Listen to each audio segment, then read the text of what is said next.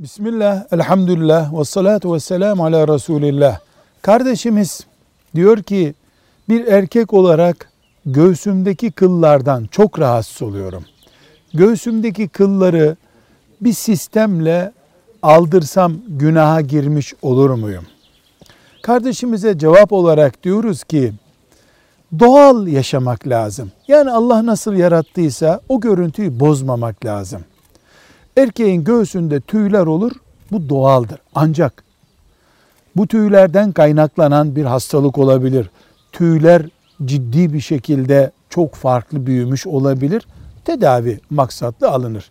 Ama her halükarda erkeğin alınması yasak olan tüyü kaşlarıdır, sakalıdır. Göğüs tüyleri serbesttir. Yani göğüs tüylerini kadına benzemek gibi bir maksat, filan artiste benzemek gibi bir maksat olmadığı sürece, mesela rahatsız olduğu için, çok kaşındığı için gibi bir sebeple almakta günah yoktur. Velhamdülillahi Rabbil Alemin.